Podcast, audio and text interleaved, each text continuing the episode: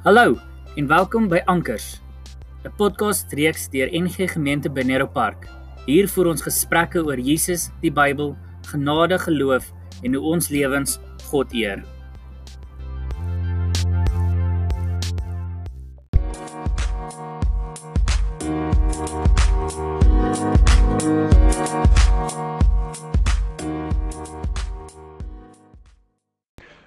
Goeiemôre, Woensdag, die 22ste Julie.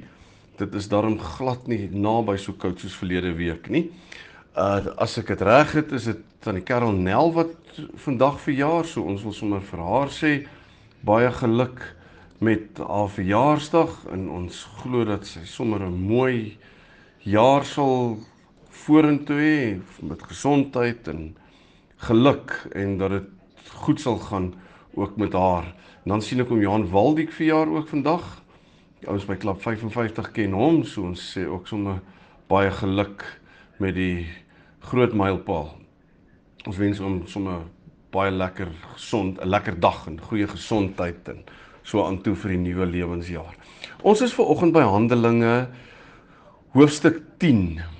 In Handelinge 10 lees ons of dit begin met ehm um, die vertelling van 'n Romeinse weermagoffisier met die naam van Cornelius. Hy het 'n hoë rang gehad in die Italiaanse regiment, 'n kaptein, en hy het toegewy geleef aan God. Um en hy het toe 'n visioen gehad, hy het 'n engel gehad wat by hom verskyn het en met hom gepraat het en gesê het um die Here sien wat jy doen en so en dit het hom opgeval wat jy vir die armes doen en Toe sê die engel vir hom stuur daarom dadelik mans na Joppe toe en laat daar 'n sekere Simon haal. Sy noemnaam is Petrus en daar ontmoet ons toe vir Petrus en hy is toe soontoe so 4 dae later en uh, hy het hom gaan haal om saam met hom te werk. En dan lees ons ook verder van die doek wat Petrus gesien het wat uit die hemel uit sak en die stem wat vir hom gesê het slag en eet en toe sê maar ek kan nie dit wat u um onrein verklaar het, kan ek nie eet nie en toe sê die stem weer maar alles wat God gemaak het is rein en jy kan daarvan eet. So dis ook sommer iets wat ons kan onthou vir die ouens wat sekere kossoorte nie eet vanuit 'n geloofs-oortuiging. Daar sien ons dit weer dat dit wat die Here gemaak het is reg en ons kan dit gebruik en nuttig.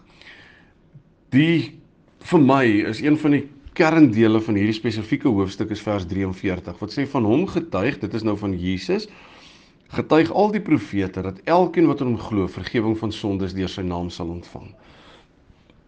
Ons sien hierdie teksvers in verskillende forme in die briewe wat Paulus geskryf het. Dat hy sal ouens gedurig herinner aan die kruis, die vergifnis van sondes, dat ons saak met God reg is dis al 'n hele paar jaar, maar ook in die tyd waarin ons nou leef, word baie mense, ek wil tog die Engelse woord gebruik, geside track deur 'n klomp ander goed wat mense vir vir hulle sê. Soos gister het ons gelees oor Paulus se bekering en hoeveel mense daar is wat sê maar jy moet 'n dag en datum hê anders nee is jy nog nie gered en al sulke goeters nie. Dis 'n side track. Dis nie so nie, dis nie Bybels nie. Daar's ander mense wat sê jy moet in tale praat want anders is jy nie gered nie. Dis 'n side track. Dit is nie so nie. Ons kry nie geen Bybelse verwysing dat dit 'n vereiste vir redding is nie. Dis deel van die gawes. In Romeine 12 skryf Paulus daarvoor daar om te sê dit is die Gees wat me, aan mense verskillende gawes uitdeel na aanleiding van die behoeftes van die gemeenskap. Daar's soveel goeters waardeur mense Christene gesaaid trek word ook in ons tyd vandag. Jy moet vas en jy moet soveel ure 'n dag bid en al sulke goeters en Bybel lees. Niks daarvan staan in die Bybel nie. Dis interessant dat Lukas van al die goed wat hy kon sê oor Jesus, sê hy vers 43. Van hom getuig al die profete dat elkeen wat in hom glo vergifnis van sondes deur sy naam sal ontvang. Hy kon baie goed gesê het. Maar hy kies die opsomming van die verlossingswerk van Jesus Christus. En dit is wat hy sê. Deur almal kry vergifnis van sonde en redding deur Jesus Christus, deur bekering. Niks anders nie, niks meer nie. So kom ons onthou dit dat ons nie met goed gesaai trek word nie. Um ek het nou 'n ding gekry wat iemand op Facebook geshare het en ek is nie daarteen nie, hoor my mooi.